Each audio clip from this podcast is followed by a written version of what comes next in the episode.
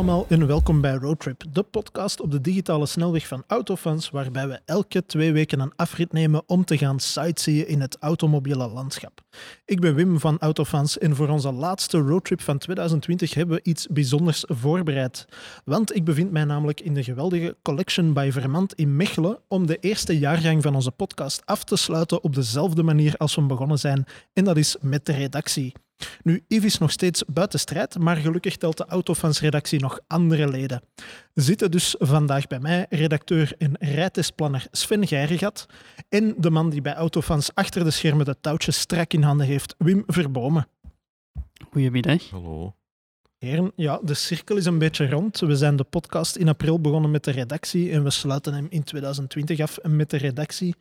Zijn jullie blij dat jullie de home office nog eens even hebben mogen verlaten? Ik wel. het, was, eh, het was fijn om nog eens buiten te komen. En het is een autolandschap en er is niet zoveel volk, dus uh, Voilà. ik ben tevreden. Ja. En wel, eh, voor de mensen die niet kijken, maar die naar deze podcast luisteren, wij zitten hier behoorlijk coronaproof. Allee, we hebben ervoor gezorgd dat er grote plexiglazen wanden tussen ons in staan en dat we ons mondmasker pas hebben afgezet eh, toen we hier zijn komen zitten. Ehm, maar ja, hoe bijzonder is 2020 voor jullie eigenlijk geweest? Speciaal. Het was, een- ja, het was, het was heel vreemd eigenlijk, want we hebben redelijk veel, veel testwagens ook ingepland, als ik dan voor ons mag spreken. Ehm, maar we hebben er heel weinig mee gereden, denk ik. Ehm, er hebben heel veel wagens voor mijn deur gekampeerd. En ja, de, de dingen die je normaal doet, daar, ja, die, die, die, die doe je niet. ja, je moet, je moet inderdaad andere manieren Ja. zoeken om, om, om, eh, om je werk te kunnen doen. Hè. Want ik heb inderdaad ook... eh, in het begin was dat zo'n beetje spannend, omdat het dan ging over essentiële verplaatsingen. Van ja, mag ik nu snel nog even rond een blok gaan rijden met een testauto om te zien hoe dat die auto rijdt? Of is dat geen essentiële verplaatsing? Of wat mag nu wel en wat mag nu niet? Maar ja, het aantal testkilometers is inderdaad wel beduidend afgenomen, denk ik. Hè. Ik heb ehm, vorig jaar in november 90 uur in een auto gezeten. Mhm. En dit jaar 15. 15. ja, het is, eh, het is heel illustratief. Maar op zich, ik vond dat nog wel meeviel. ehm, redactioneel qua testauto's. De, de merken hebben wel hun best gedaan. Ja, ja, ja. Ze hebben, ik denk, wanneer was het? In maart of april hebben ze even ook alles dicht gedaan. Eh, en dat heeft een drietal weken geduurd, zoiets, denk Ja, ik. het was Of een iets maand langer, ongeveer. denk ik. Een Ja. maand dat, dat alles dicht gegaan is. Ja. We hebben een aantal wagens gemist daardoor, omdat we dan niet meer konden ermee rijden nadien. Ja. Maar eh, het is rap terug open gegaan. En het is redelijk coronaproof gebeurd. Ja, ja, ja ze, pakken de- het, de- ze pakken het wel heel voorzichtig aan, gelukkig. Ja. Ehm, maar ja, een jaar geleden, als we even terugkijken op de kalender, zaten we in volle voorbereiding voor ja, het, het autosalon. Nu zitten we in zekere zin ook in volle voorbereiding van een autosalon, eh, maar dan één dat voor, ja, vooral digitaal gaat doorgaan eh, of virtueel. Eh, hoe kijken jullie naar die nieuwe autosalons, naar, naar ja, de, de virtuele showrooms en de digitale persconferenties en al die voorstellingen? Vol spanning, hè? Mhm. Ik denk iedereen wel. Ehm, het is een beetje, ehm, ja, iedereen moet zichzelf een beetje heruitvinden nu. Mhm. Digitale versnelling gaat heel snel ineens. En eh, heel veel merken hebben ervoor gekozen om eh, een digitale showroom te organiseren, waar je dan live ja, Q&A's kan doen met eh, een soort van informanten. Mhm. Ehm, sommige merken ook totaal niet. Ehm, en we zullen zien wat dat geeft. Hè. Ik denk dat iedereen heel benieuwd is hoe dat de cijfers gaan zijn van januari Mhm. en februari. Ehm, want het salon, dat is toch normaal gezien 30, 40 procent van de verkoop Mhm. van heel het jaar. Als dat blijkt dat dat nog altijd zo is, dan gaat dat wel eens heel moeilijk worden voor Fabiac om de merken terug te overtuigen om terug te gaan investeren in het autosalon. Ja, dat was, dat was een beetje mijn volgende vraag. Ja, moet, moet Fabiac zich wat zorgen beginnen maken? Ze, allee, ze zeggen natuurlijk van, ja, geen probleem, we begrijpen dat de merken eh, hun klanten niet in de steek willen laten, maar ik kan mij wel inbeelden dat er daar een paar mensen toch een beetje zenuwachtig over hun stoel aan het schuiven zijn, hoe, hoe, hoe dichter januari komt en hoe dichter die salonperiode komt. Want eh, als er inderdaad merken zeggen van, ja, kijk, we hebben eigenlijk maar, ik zeg maar iets, 5% of 10% minder omzet gedraaid dit jaar in januari tegenover andere jaren. Dan kunnen we wel eens overwegen om, om volgend jaar toch niet die massale investering te doen voor een stand op de Heizel en, en een beetje zo ja, de, de internationale salons achterna te gaan. Hè, want uh, in Parijs is dat al jaren aan de gang, in Frankfurt is dat al jaren aan de gang. Dat er Tokio is al geannuleerd, hè? Ja, ik denk het ook, dat Ja. inderdaad eh, recent geannuleerd Ja, is. Tokio is normaal in september. Ja, nee, nee, het is, het is een andere show. Dat Ah ja, die in was- januari. ja. Het is een, een tuning show, of een, of een Ah, dat- meer tuningachtige tuning. show in Tokio. Ehm. Maar ik was wel aan het denken dat ik, ik denk dat, dat het lijkt me dat er niet maar 5 of 10 procent minder verkoop gaat zijn. Dat lijkt mij een beetje weinig. Ja, ik, ik, ik zal Ik er nu maar een wilde slag naar, hè, maar Maar dat lijkt mij wel nou, weinig, denk ik. En ik, ik denk gewoon dat ze... Het autosalon in Brussel misschien net niet. Maar die andere autosalons die waren al inderdaad wat aan, het- aan het verminderen. En het is denk ik een goede moment om eens te, te gaan nadenken wat dat ze met dat salon willen doen Mhm. en hoe dat ze het willen aanpakken om hun, hun wagens verkocht te krijgen aan, aan de klanten. ja. Ja, de vraag is, is een Belg klaar om volledig digitaal een aankoop te doen? Hè? Ja. ja, dat is inderdaad iets wat mij dit jaar ook wel is opgevallen, hoeveel merken er misschien een beetje onder invloed van de hoofdzetel of van, van, van internationale tendensen er zo beginnen aan te sturen op, eh, ja, op hun digitale showroom of gewoon het feit dat je een auto volledig online kunt configureren en dan onderaan maar op bestellen hoeft te klikken en hem dan alleen bij de dealer hoeft af te halen en alleen maar binnen hoeft te steken voor andere auto, maar een beetje ja, de dealer wat aan het, aan het bypassen zijn. Ehm, en ja, misschien, misschien wordt januari op dat vlak wel een testcase voor veel eh, boekhoudafdelingen. Hè? Ik, zie het, ja, ik zie het eigenlijk nog wel gebeuren dat er daar eh, eens de salonperiode voorbij nog wel eens wat merken gaan zeggen van ja, we gaan hier toch nog eens goed over nadenken. Ja, het is zo. Ik ken eigenlijk zo bijna niemand die zijn auto volledig digitaal zou kopen. Ik ken nog nooit. Ja, ja, wel. Soms hoort je dat wel. Ja, Ehm, en dan is dat meestal van ja, ik heb de. Ik zeg nu maar iets, ik heb de drie-reeks gereden. Mhm. Vond dat een goede auto, ik bestel hem gewoon opnieuw, de nieuw, Ja. nieuw model. Ja. Ehm, maar in de meeste gevallen is het toch nog, denk ik, dat mensen even er toch willen gaan inzitten. ja. Ik wou zeggen, ik heb dat op mijn vorige job zo wel gedaan met, eh, met een bedrijfswagen die ik toen kreeg. Dat was zo de lijst van auto's en ik had dan eh, twee merken overgehouden. En ja, je moest dan een offerte gaan maken. En ik heb, wat dat meestal als, als mensen vragen van ik zoek een auto, ik twijfel tussen dat en dat. Meestal wat wij zeggen is, gaat er zeker eens mee rijden, gaat er eens in zitten. Rijd ermee voordat je iets koopt, want voor hetzelfde geld valt dat tegen enzovoort. En ik moet zeggen, bij die twee offertes heb ik geen meter met die auto's gereden, omdat ik die ervaring al had van, van daarvoor of van een andere motor of zo wel kon afleiden van dat gaat op die manier rijden, dat gaat goed rijden, voor mij gaat dat goed zitten. Dus ik hoef daar niet zozeer mee te rijden, maar ja, de echte digitale dingen, dus echt gewoon zelfs, allee, ik moest dan wel naar een showroom natuurlijk, maar ehm, het feit dat je gewoon vanuit je luie zetel even op je iPad of op je, op je, op je laptop gewoon even naar de website gaat en dan met de configurator speelt en op het einde op bestellen klikt, ik kan mij wel inmelden dat dat voor veel mensen nog wel een grote stap is. Ja, maar daar zeg je wel iets. Ik denk dat zo onderhandelen voor mensen er toch nog ook wel iets bij geeft. Dat kan, Zo, ja. Ik wil er de vloermatjes bij, of Ja. ik wil toch nog 200 euro eraf krijgen van die prijs. Ja. En als je dat online doet, ja, zo, wilt u 200 euro korting? Maar wie wie Ja, wil ja. dat, Sven? Voer hier uw promocode in. Ja, Ja. Dat is zoiets dat ik echt totaal niet naar zou uitkijken. Ja, ik denk dat er veel dat- mensen zijn die dat wel doen hoor. Die echt naar de, naar de garage gaan en dan denken van ah, wat kan ik hier nog onderhandelen Ja. en, en wat kan ik hier nog, nog vrij krijgen of los krijgen. Of ik heb, ik heb van die een dealer die offerte gekregen, wat kun jij Ja. mij in de plaats bieden? Of, eh, Terwijl als je dat centraliseert online, ja, je hebt één website en het is dat of het is niks. mhm. Ja, dat Ja. is een beetje vast. Dan moeten ze een prijs al promoprijs geven, maar ja, wat Ja. een prijs, want je weet eigenlijk niet wat de normale prijs dan, dan is, want die website geeft gewoon die prijs aan. Dus Ja.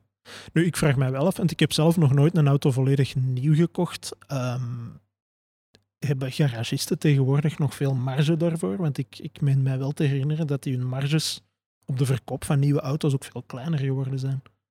Dus ik, ik weet niet of je nog zoveel kunt onderhandelen. Allee, ik heb er geen ervaring mee, dus het kan zijn dat dat nog perfect kan, maar ik heb een beetje het gevoel van die periode van je kunt Dat met je dat offertes gaan rondshoppen, dat dat een beetje eh, voorbij is aan het dat geraken. zou ook wel kunnen natuurlijk. Ja, het is ook... Ik weet niet hoe het dat zit. Allee, exact zit, maar eh, je hebt tegenwoordig ook meer eh, grotere groepen van dealers. Hè. Mhm. Dus ehm, het zou goed, goed maar eens kunnen dat, ehm, dat als je naar een dealer gaat, dat die deel uitmaakt van een groep van 10, 20 dealers van hetzelfde merk. Ja, als je dan een offerte laat maken bij de ene, je krijgt 8%, ik weet niet. Mhm. Ja, en je gaat dan naar een andere, lokaal dan, en je gaat niet ineens 200 kilometer verder. Ja. Ja, heeft het dan wel zin, want hebben die niet hetzelfde systeem? Ah, ja, bijvoorbeeld? tuurlijk. Ja. Dus als je inderdaad bijvoorbeeld niet omdat we toevallig vandaag bij een Volvo-dealer zitten, maar als je bij Volvo-dealer A in Groot-Antwerpen gaat en je gaat met die offerte naar eh, een andere Volvo-dealer buiten Groot-Antwerpen, maar die wel tot hetzelfde net behoort, dat je daar gewoon exact dezelfde promo of exact dezelfde offerte krijgt. Ja, kan inderdaad wel. Ehm, ja, misschien nog even terug naar die, eh, die autosalons ook. Allee, of de coronaperiode in het algemeen. Het is, het is meer geweest dan de autosalons dit jaar. Eh, als je gekeken hebt naar, ehm, naar ja, de productie van auto's ook, die heeft echt maanden volledig stilgelegen. Eh, we hebben dat in de cijfers heel hard gezien. Dus ja, de verkoopcijfers, de inschrijvingscijfers zijn heel hard gezakt. Ehm, ik heb ook verhalen gehoord van mensen die zeiden van ah ja, wij zijn op zoek naar een nieuwe auto.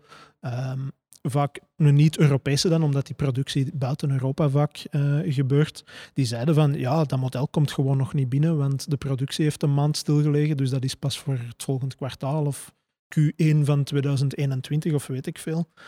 Ehm, ja, in hoeverre gaat dat volgens jullie een effect hebben op, eh, en dat klinkt als een heel moeilijke economische vraag op een examen, maar dat is het helemaal niet, maar gaat dat een effect hebben op, op, ehm, ja, op een automerk in het algemeen, op, eh, op hun toekomstplannen voor 2021 misschien? Ehm, gaan, er, ja, gaan er merken het moeilijk krijgen? Eh, gaan er merken die dat crisisjaar, wat je 2020 gerust kunt noemen als een crisisjaar, gaan die dan makkelijk te boven kunnen komen? Uh, ik denk bijvoorbeeld heel concreet, dat is nu niet een merk waar iedereen zomaar even bij gaat shoppen, maar McLaren heeft toch eens in serieus zwaar weer gezeten, uh, omdat hun productie was stilgelegd en dat het er even heel slecht naar uitzag en zo. Maar ik kan mij inbeelden dat dat bij, ik zeg Ja. maar iets... de kleinere, denk ik. Ja. Mitsubishi, hè. Dus Mitsubishi heeft eh, de beslissing genomen om, om te, te stoppen in Europa. Ja, Dat is wel iets wat dat wij al hebben over nagedacht voor de corona. Zeker aan zo kleinere merken. Dat zou kunnen gebeuren, maar dat heeft ehm 100% een doorslag gegeven, denk ik. ja, het heeft vooral de doorslag gegeven, denk ik. Hè, want Want denk, nee, was- Mitsubishi Motors is dat Mhm. eigenlijk. En dat is maar een klein deeltje van heel de Mitsubishi-groep. Mhm. Dus je zou denken van, die hebben geld genoeg, maar dan toch, toch, toch mee gestopt. ja. Eh, aan de andere kant zie je dan ook wel ehm, andere merken die dan juist op de, allee, op de markt komen, of misschien net ervoor, zoals MG, Mhm. dat is Chinees, hè? Mhm. Allee, Chinees-Brits. Dus Ja, ja, misschien is het dan niet zozeer een effect. Allee, zal de corona dat in een stroomversnelling hebben gebracht, maar ik denk dat daar vooral de, de omschakeling naar elektrisch en zo de lagere CO2-uitstoot, dat dat vooral de grote reden Dat zal klopt, geweest zijn. zeker van de is- Mitsubishi met die ja. SUV's. Ja. Ze hebben dan wel die Outlander plug-in, maar 2020 ging sowieso een, een jaar zijn ehm, ja, dat autofabrikanten het moeilijk gingen hebben Mhm. met de Europese boetes hè, voor eh, gemiddelde CO2 per verkochte wagen. En ja, dat is er dan nog eens bijgekomen. Ja. Daar hebben we wel, wel een punt. Ja. Ja, ja het is bijna een, een perfect storm, of hoe zeggen ze dat? Van, het ging al een moeilijk jaar worden, want het was een kanteljaar en dan kwam er ineens nog iets bij wat dan niemand had zien aankomen in december, of toch weinig mensen.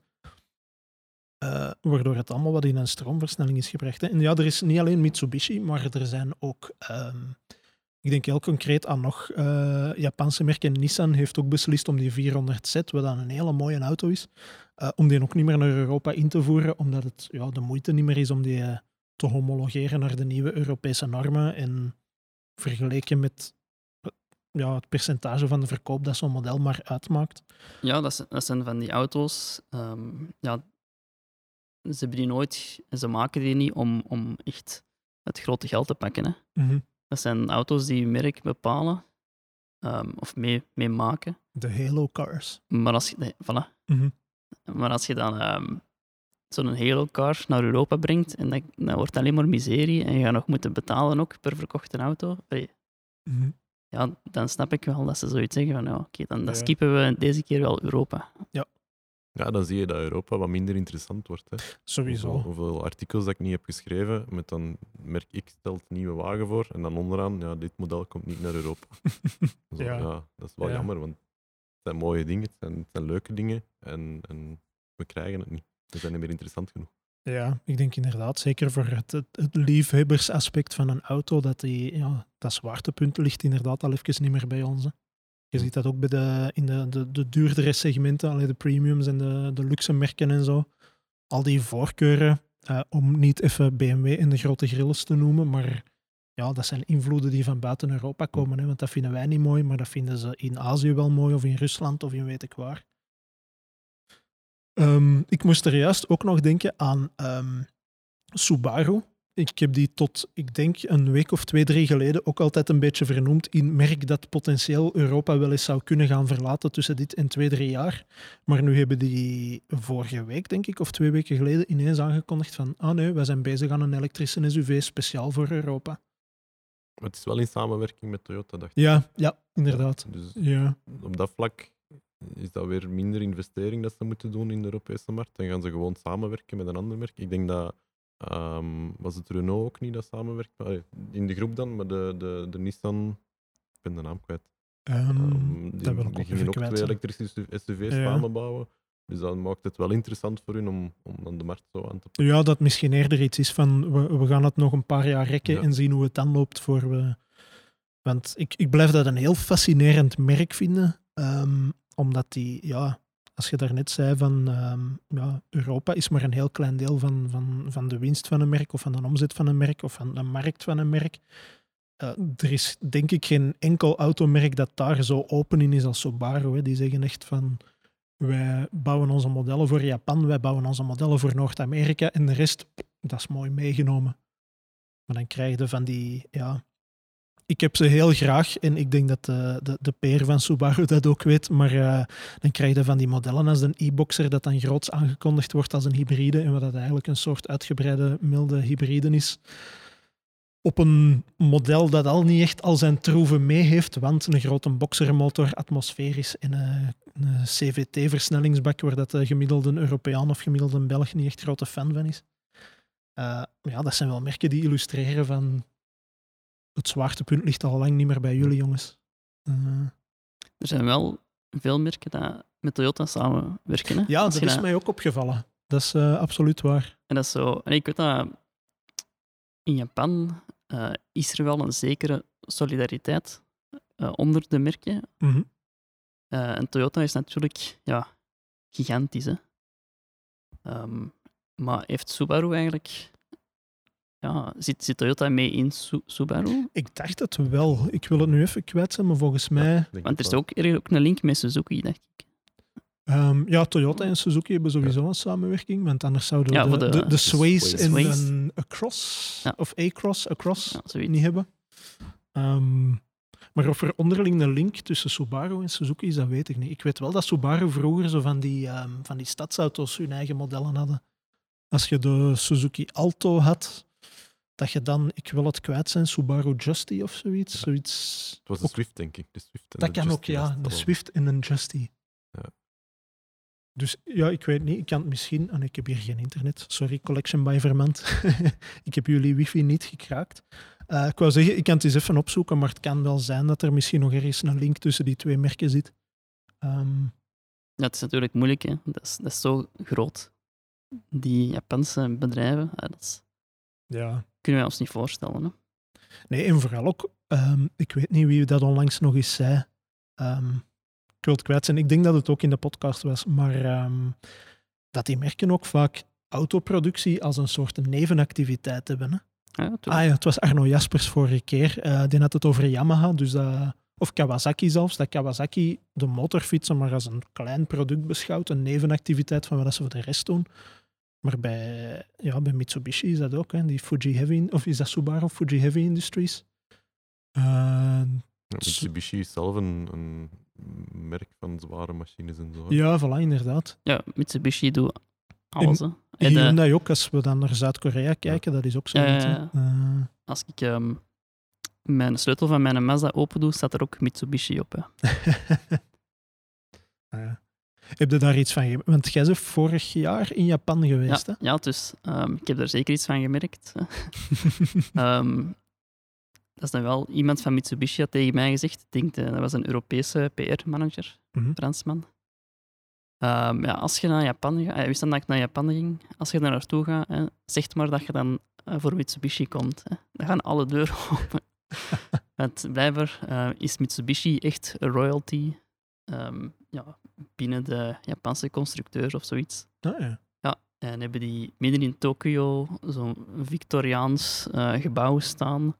En elk jaar komen daar de, de 26 ehm, CEO's van de grootste Mitsubishi-bedrijven komen daar samen om te babbelen.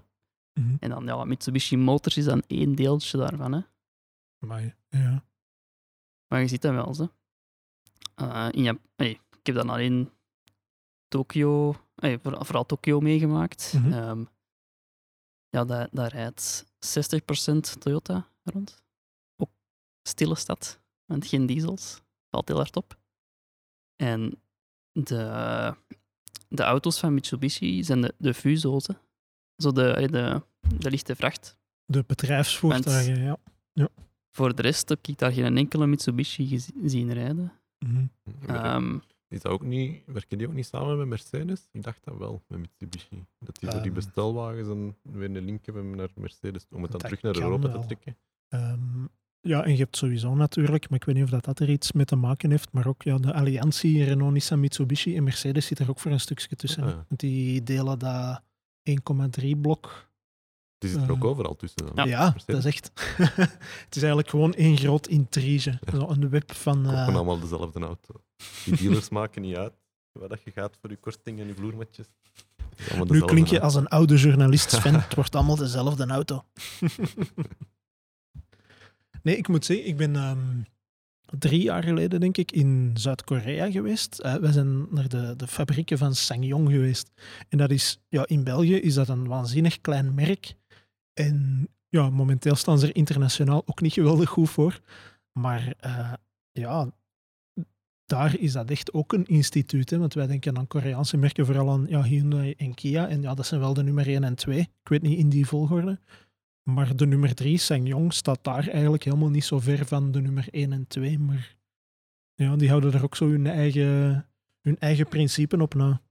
Misschien Ja. moeten we dat merk nomineren als merk dat gedoemd is om te verdwijnen tussen dit en enkele jaren. ik vind, ehm, wat mij opvalt aan Sanjong is dat die, ehm, toen de, wij begonnen met autofans, twaalf jaar geleden, hè, Mhm. hey, je moet eens een Sanjong rijden van twaalf jaar geleden en dan nu zo'n een, een nieuwe Sanjong. Ja. Dat is gigantisch verschil. Ja, ja, ja, absoluut. Dus hey, Sanjong is dan voor ons misschien een klein merk, maar die Mhm. slaan we er ook wel in om, om mee te kunnen. Ja, ja, ja, ja zeker en Nu, er kwam een, eh, een EV ook, hè, dacht ik. De, ja, die is op komst zeker, hè, de EV. Ja. Nu, wat ze nog altijd wel hebben, eh, die Sangyongs zeker, Hyundai had dat vroeger ook, merkte ik, maar die hebben dat eh, ondertussen opgelost, maar de Koreaanse manier van airco. Dus ofwel warm, ofwel echt ijskoud, maar echt ijskoud. En toen in Korea was dat ook, als je er ergens binnenkwam en de airco stond op, eh, dat was in het voorjaar, dus het was er nog niet bijster warm overal, maar aangenaam. En echt overal waar dat airco op stond, was dat ineens gewoon stijve tepels koud. Zo. Echt? En ik heb de indruk in Sanjongs, Bart Hendricks moet mij maar corrigeren als dat niet waar is, maar eh, dat als je daar de airco op koud zet, dat dat ook ineens zo onder het vriespunt koud is. En Hyundai hadden dat vroeger ook, maar daar, die, zijn, die zijn wel eh, gebeterd op dat vlak, gelukkig. Ja, op alle vlakken. Hè. Die zijn ook de, de Hyundai's dat wij hier hebben, dat zijn Ja, ja. Europese auto's. Hè. Ja, zeker. zeker. Ja, ik heb eh, vorige week met de nieuwe Tucson gereden. Dat was... eh allee, de vorige was zeker al niet slecht. Eh, ik denk dat ik dat ook geschreven Ja. heb in mijn conclusie. En- Van, ja, de vorige was al stilaan een vaste waarde, maar dan deze... Sowieso, denk Ja, ik. en je hebt hem in benzine, in diesel, in benzine mild hybrid, in diesel mild hybrid, in gewone hybride benzine en in benzine plug-in hybride. Ja. denk ik. Ja, Voilà. Inderdaad. voilà.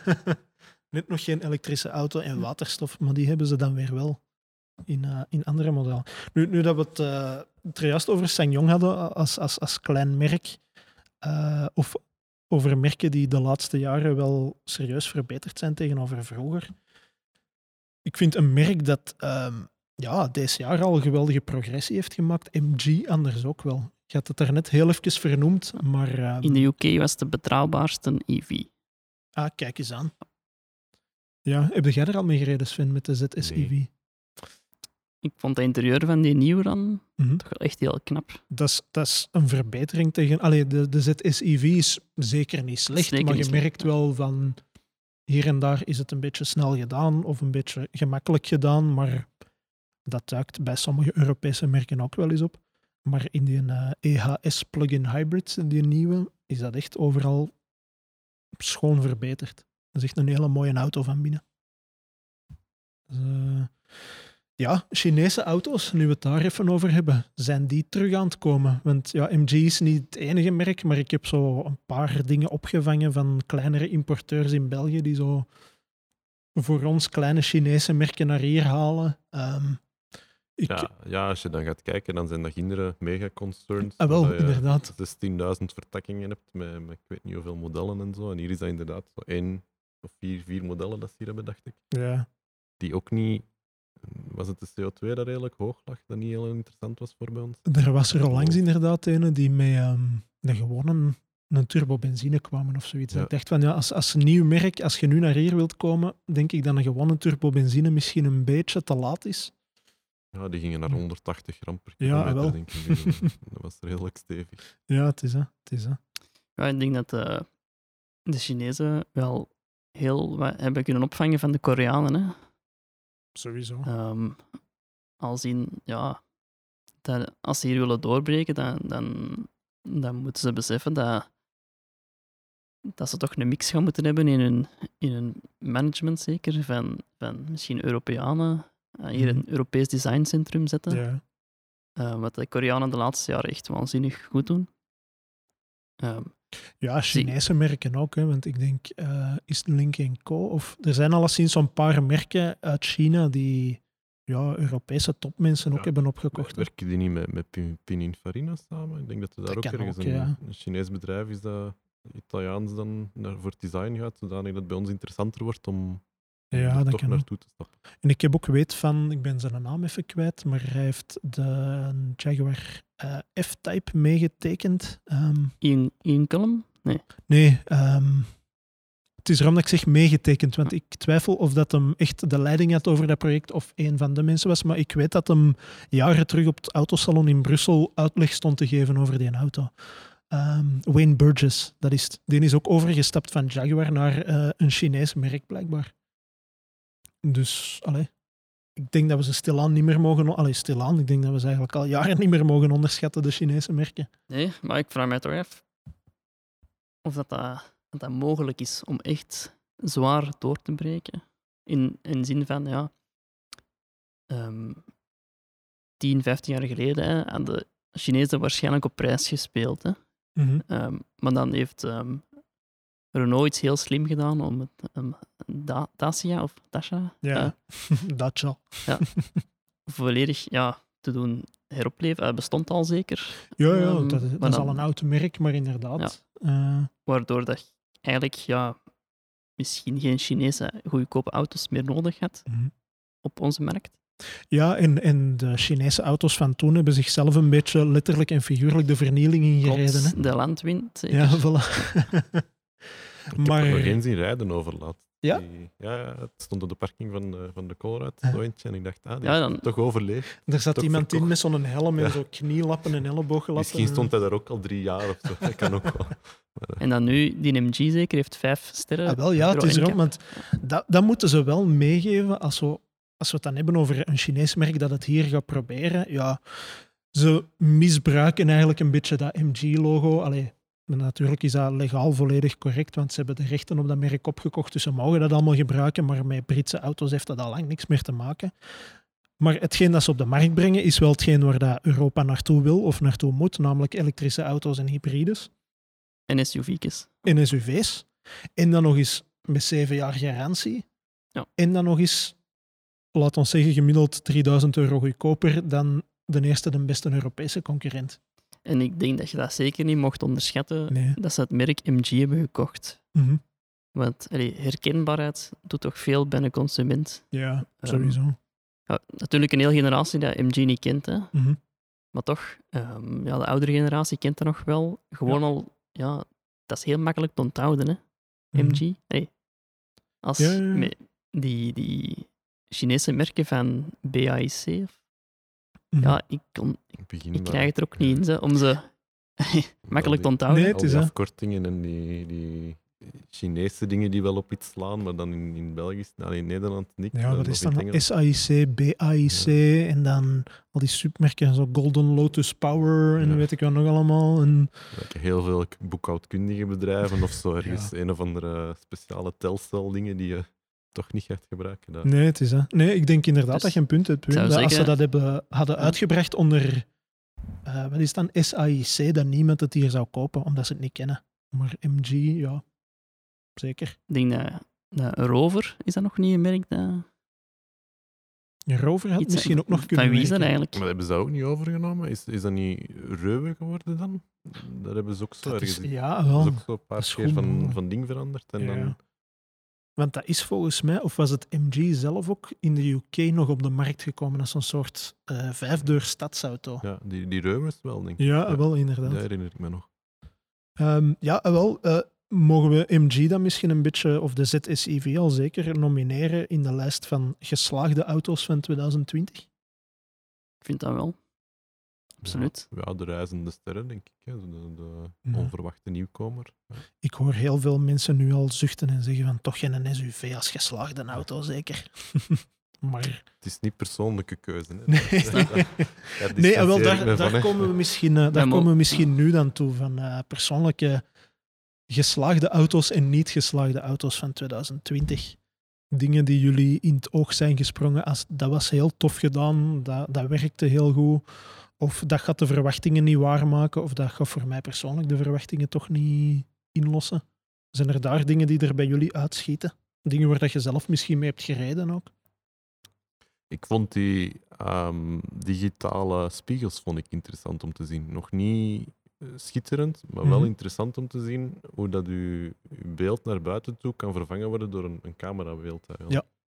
Ehm, Heb je dat getest op een auto? ik heb het met een, een Audi Ah ja, meegenomen. een e-tron. Ehm, Ja. ja.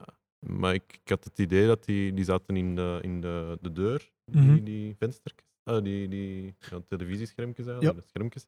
Ehm, en ik had het gevoel dat ik dat mijn ogen van de weg moest nemen. En Ja. ik dacht dat jij de eh, Honda E gereden hebt. Ja, En dat dat wou ik, zo in het midden op het, op het ding. ja, er dat wou ik inderdaad zeggen, want bij een, bij een e-tron is het inderdaad zo echt in de hoek van het deurpaneel. Ja. Waardoor dat je inderdaad even naar beneden moet kijken. En de Honda E doet dat volgens mij om twee redenen beter. Dat is ja, de positie van die schermpjes. Dat is inderdaad gewoon op het einde van het dashboard, waardoor dat, ja, de blik die dat je doet met je ogen eigenlijk iets logischer is. Want je moet niet naar beneden kijken, maar je kijkt gewoon opzij.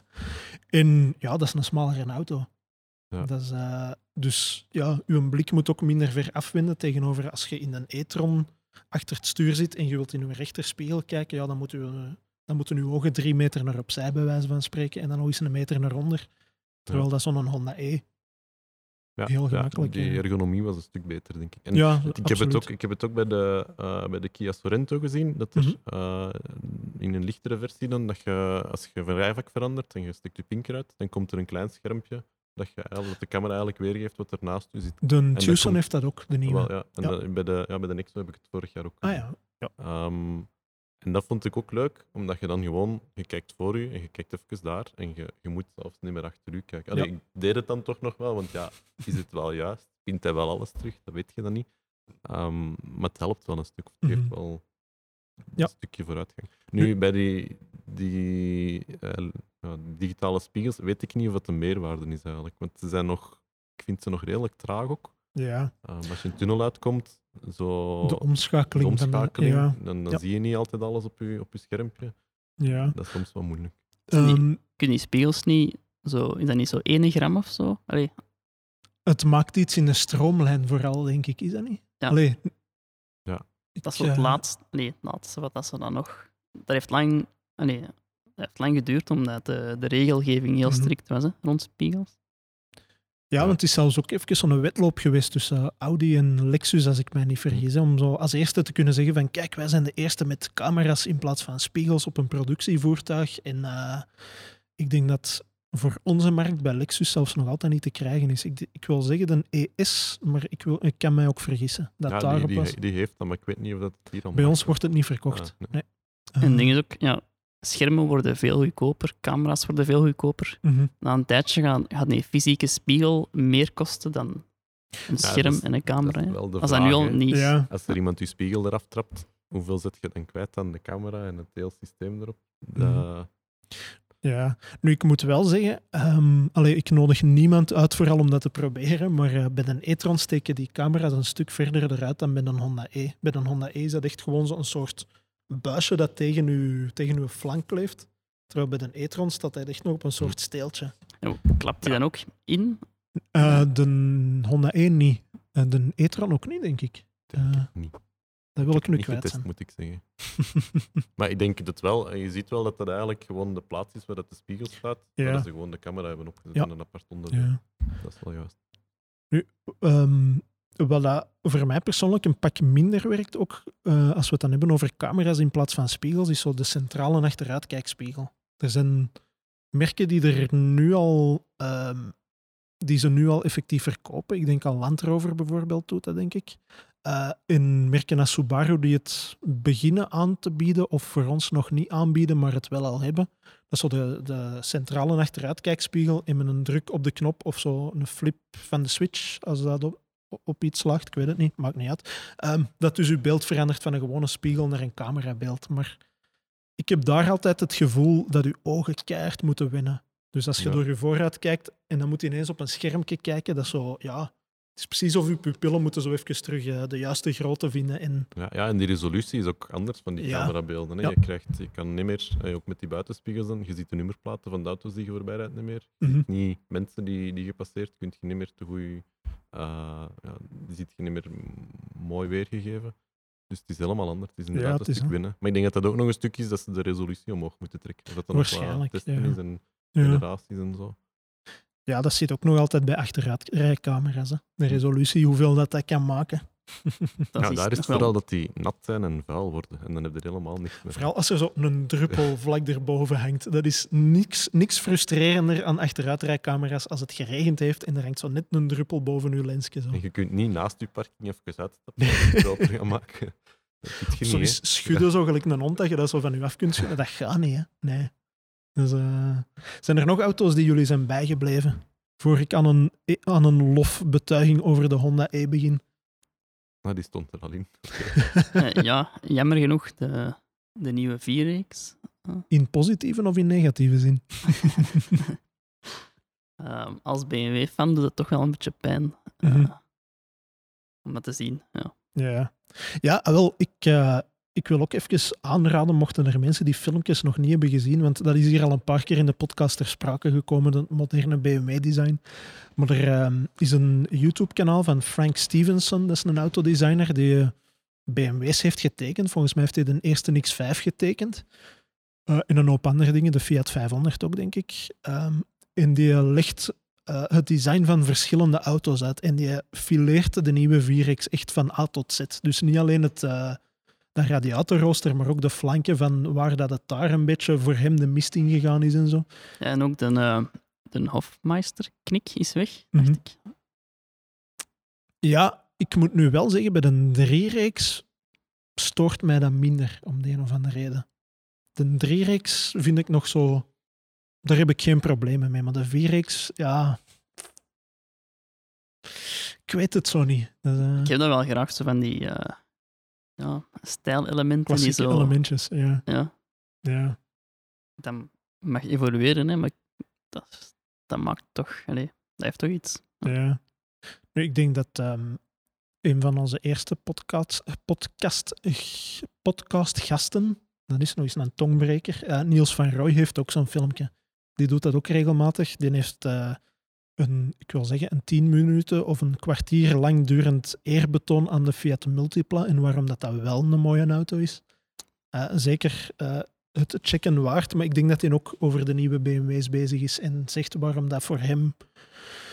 Ja, dat ze daar toch niet zo goed bezig zijn als dat de, de, de, de meeste mensen of de, de, de klassieke fans een beetje hopen. Ehm, ja, nog dingen, positief of negatief. Ik probeer mijn Honda E-lofbeton hier nog altijd de kop in te drukken.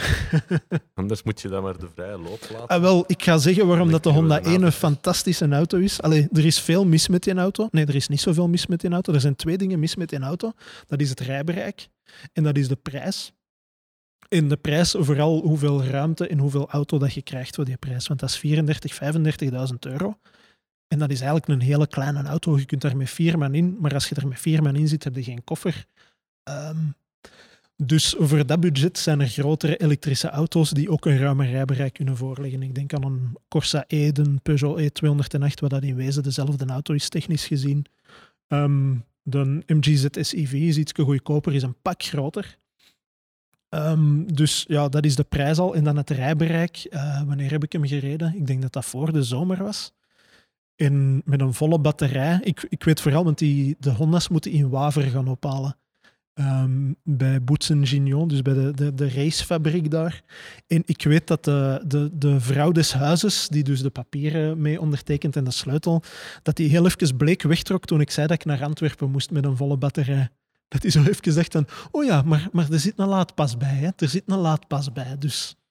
Allee, het is zonder problemen gelukt, maar op het display stond echt 100 in de 70 kilometer.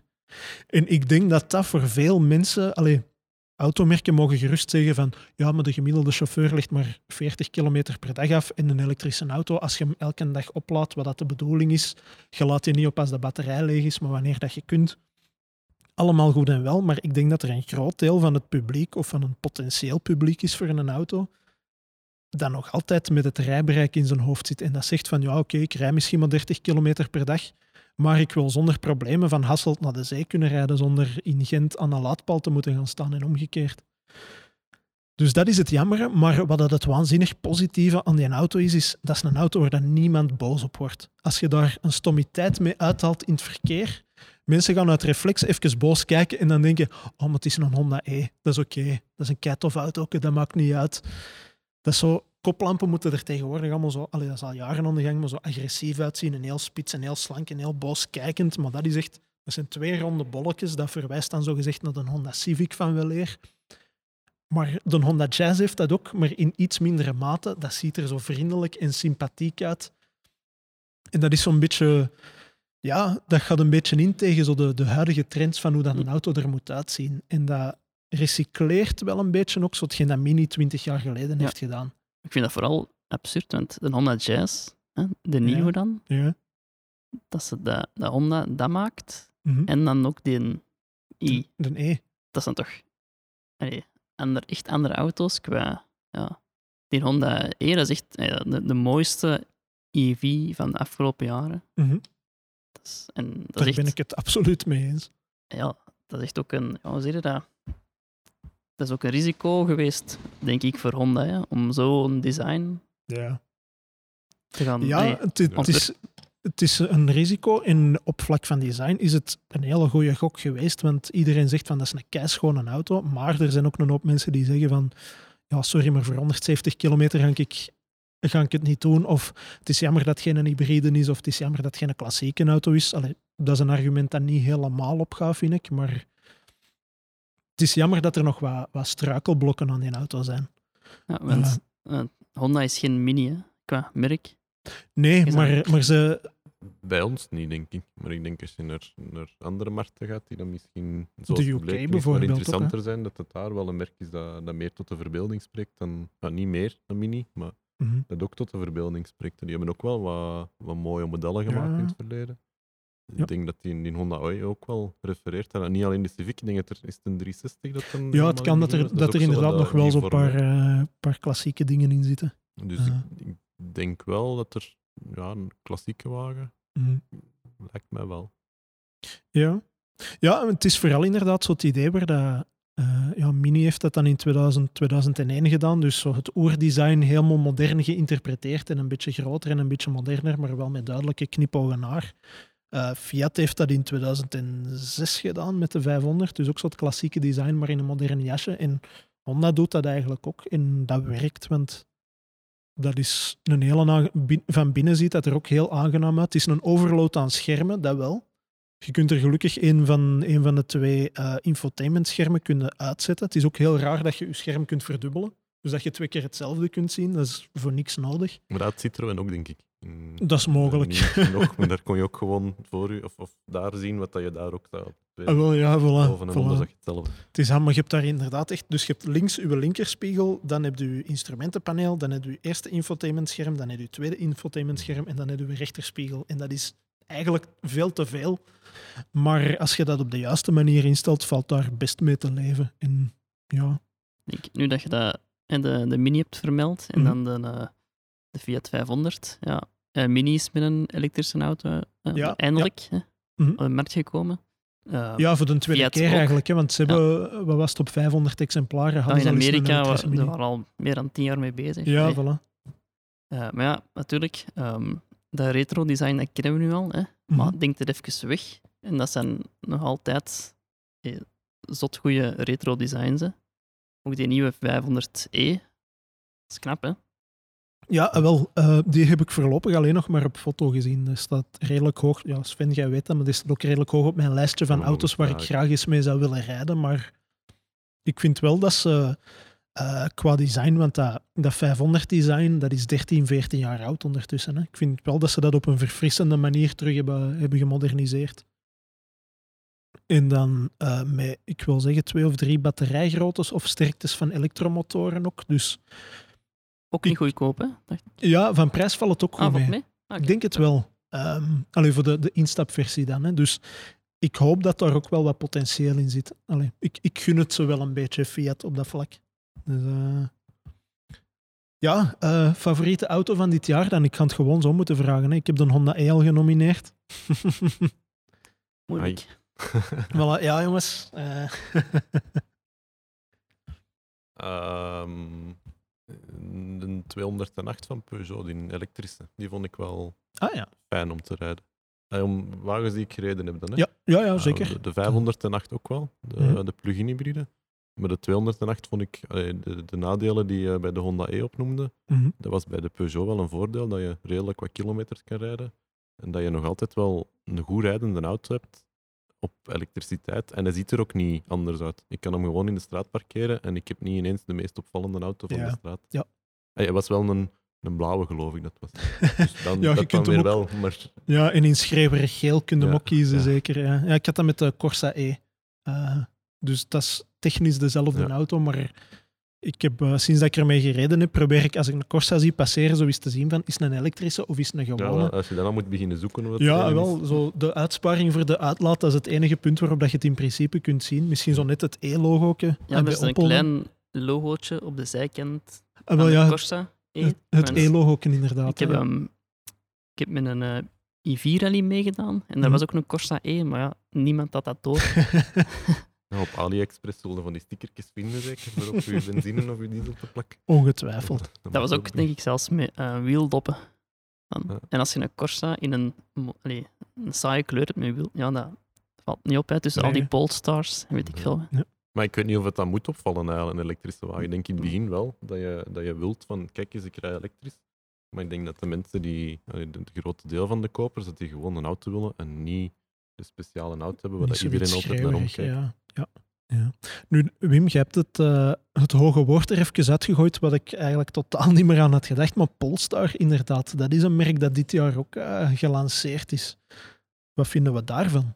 Ik vind die, een- die een Polestar 1 echt, qua, echt enorm knap qua Mhm. design. En dat is een auto, dat is, dat is een Halo-car. Hè. Ja. Dus niemand gaat dat kopen. Ehm, Vooral niet omdat hij 150.000 euro kost. Inderdaad. Ehm, en ja, en een, een 2. ehm, ja, ik vind een, een Model 3, hè, wat dan echt de concurrent is, Mhm. ehm, een beetje saai al. Omdat we dat al zo lang kennen ondertussen. Mhm. En dan is zo'n Polestar 2 wel een verademing qua Ja. design. Hm. Voor mij. Absoluut. En Ja. toch herkenbaar.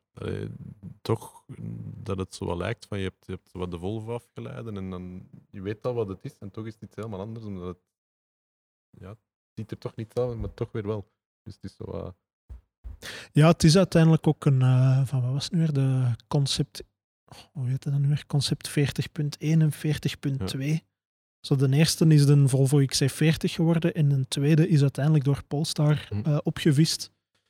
Eh, want de, de CEO van Polestar is ook de, de voormalige designer van Volvo. Hè, dus degene Hm. die alle moderne Volvo's heeft getekend. Ehm, maar ja, een hele mooie auto.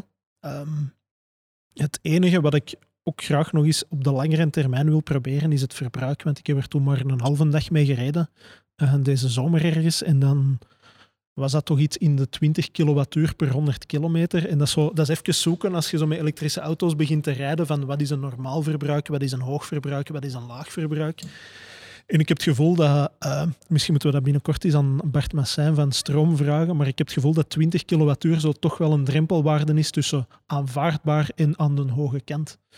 En op dat kort stuk geraakt hem echt niet onder de 20. En dat, dat vond ik een beetje jammer, dus dat wil ik zeker wel eens verder proberen om te zien of dat, dat in de praktijk ook zo is. Maar ja, een hele mooie auto, absoluut.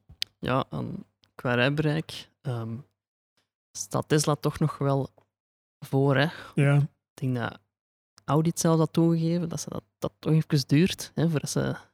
ja dat is zo'n beetje de, allee, als we dat een fout mogen noemen, de fout geweest van de klassieke merken. Hè. Zo van, ah ja, we gaan die achterstand hier eens even ombuigen in een voorsprong, maar Heel moeilijk hè, om Mhm. uw klassiek eh, ja, RD-proces, productieproces.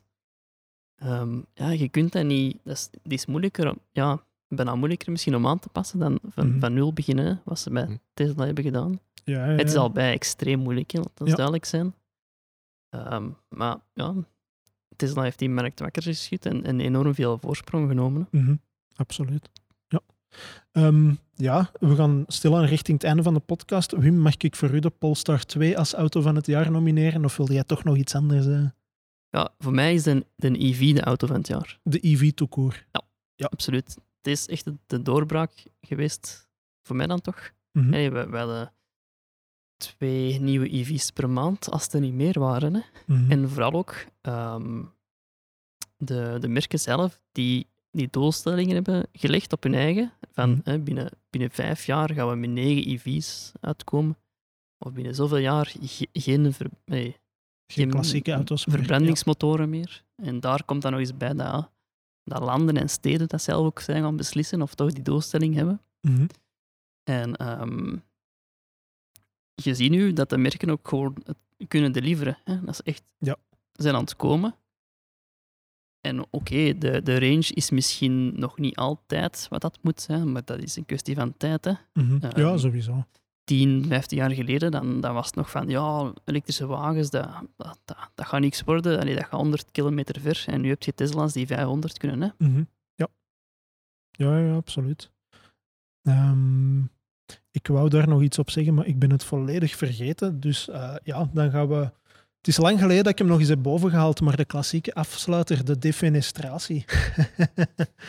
ik ga jullie nog even eh, een dilemma voorschotelen. En eh, jullie minst favoriete eh, mag vakkundig het raam worden uitgeflikkerd. De Sven moet nog zijn eh, auto van het jaar zijn. De. Sven had daarnet de Peugeot E208 Ah, sorry. vernoemd. Ja, hè? het is u vergeven, Wim. Dus ja, twee mild irriterende zaken. Eh in de meest irriterende van die mild irriterende zaken mag het raam uit. Opnieuw een jaar zonder autosalons of opnieuw een jaar zonder perspresentaties? Dat is niet zo moeilijk, hè, Wim? Ah, ik weet niet, wat zou jij zeggen? Ik weet het niet. Ehm, ik eh, zou eigenlijk, ehm, ja, ik zou eigenlijk perfect kunnen. En ik kan dat misschien niet te luid zeggen, want binnenkort mogen we nergens meer mee naartoe als het, als het mag en als we allemaal gevaccineerd zijn. Maar ik heb perspresentaties, van die internationale perspresentaties, eigenlijk niet echt gemist. Het geeft keihard meer tijd, hè? Ja, Je zit zo niet meer op een luchthaven Ja. te wachten om ergens met een auto een uurtje te mogen rijden. Ja, Ja, ik, ik heb dat wel gemist. Ja? Ik vind dat, eh, dat is effectief de, ja, de ideale omstandigheden soms om een auto te testen. ja je, je, hebt, kunt je zo wel eens... weer, je hebt goede banen. Ja, Ehm, het, ik, het- je bent langer onderweg dan dat je effectief ter plekke zijn, hè, meestal. Hè. Dus je bent langer in het vliegtuig, langer op de luchthaven dan dat je in de auto zit. Dat is zo. En je wilt dat ook niet twee keer per week doen. Hè. En dat, daarom dat we er ook afspreken dat we dat niet te veel doen. hè. Ik vind dat een heel goed idee. Ehm, maar ik, ja, ik mist wel zo van, als je er bent, dan moet je volledige aandacht naar die auto gaan. En Mhm. dan, dan is dat ook zo. Ja. En dan heb je Ehm, mensen die daar Je bent niet afgeleid. Je bent bezig met Ja, die auto. dat is- Dat is misschien inderdaad wel hetgeen dat ik eraan mis. Want allee, op zich hebben merken dat wel heel goed opgevangen door... ehm, ja, ze doen dat met van die roadshows of gewoon avant-premières, dat je ze in eigen land eens een namiddag kunt gaan rijden en zo.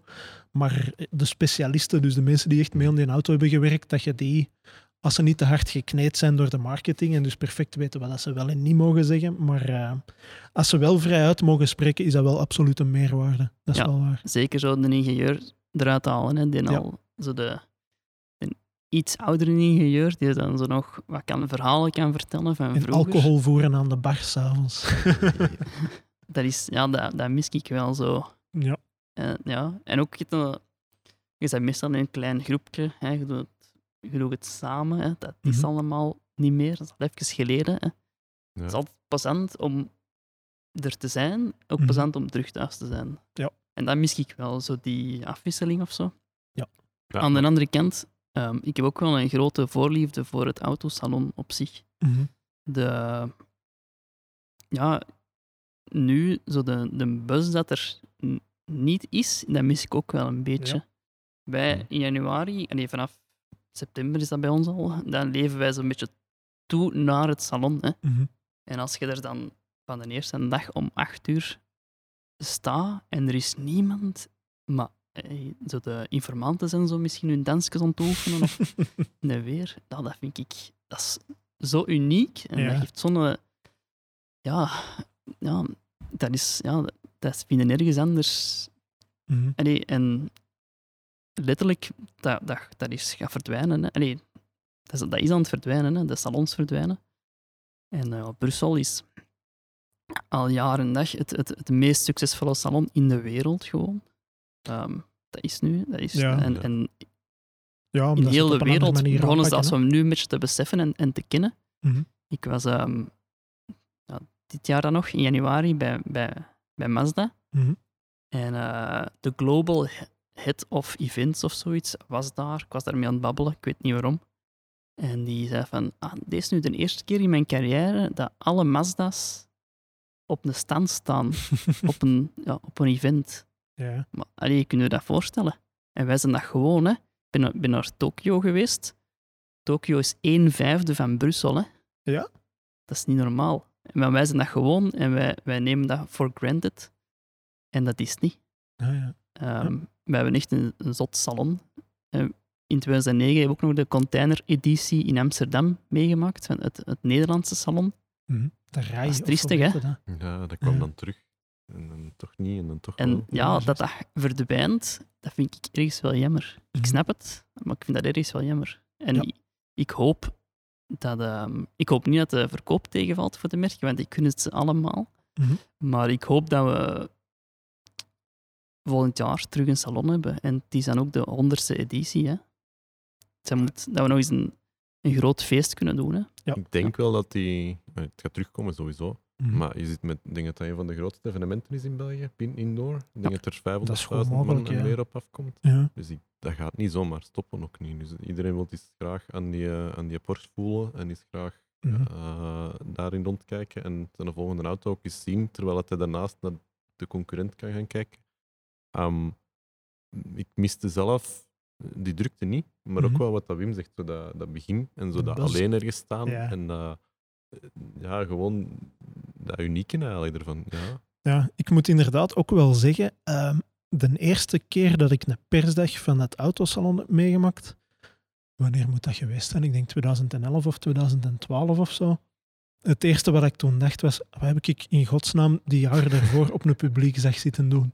Echt waar. Nu kun je eindelijk eens op je gemak van dichtbij een auto gaan bezien, er eens in gaan zitten, Ja, eh, op je gemak even rondlopen. Ja, ik weet dat wij ook eens een van de eerste jaren dat we geweest waren, dat we ook de persdag gedaan hadden. En dan moesten we eens op een nocturne terugkomen voor iemand te zien. En dan was dat gigantisch vol volk. En dat was echt van, ja, gaan we terug of, of gaan Ja. we toch door? Want ja, dat is inderdaad een heel, een heel verschil.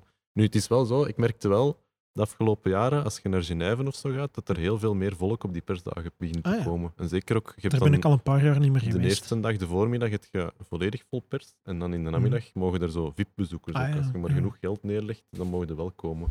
En dan krijg je, allee, met alle respect, maar dan krijg je kinderen die dan zitten rondlopen en foto's zitten maken voor je neus, terwijl dat je ook van die auto een foto wilt maken voor Ja, om je, om je werk te kunnen doen. Of dan krijg je dikke Russen die beginnen roepen omdat je in hun beeld komt staan. Die, ja, dus dat, dat was ook het is, het is Ja. een beetje aan het veranderen op de negatieve manier. Ook. Dus Ja. allee, voor mij eigenlijk, als ik mag kiezen, of als Mhm. we mogen afsluiten, Ja, de zeker. autosalons, als we dat van Brussel mogen bijhouden. Mag je dat? We, gaan, eh, we gaan pleiten bij FBX. hè. Alright, nee, dan zijn wij rond, jongens. Eh, dit was Roadtrip voor deze week en voor 2020. Over twee weken zijn we er niet en dat heeft een goede reden, want hoewel er dit jaar dus geen klassiek autosalon is, is er dus wel nog iets als de salonperiode. Die is dus vooral digitaal en virtueel en dat betekent dat wij vanaf midden januari twee weken lang om de twee dagen achter de podcastmicro kruipen met allerlei specialisten uit de autosector. Maar niet getreurd, in februari zijn we er gewoon terug in ons tweewekelijkse ritme met hopelijk telkens opnieuw een gast. Bedankt voor het luisteren in 2020 en een fijn eindejaar.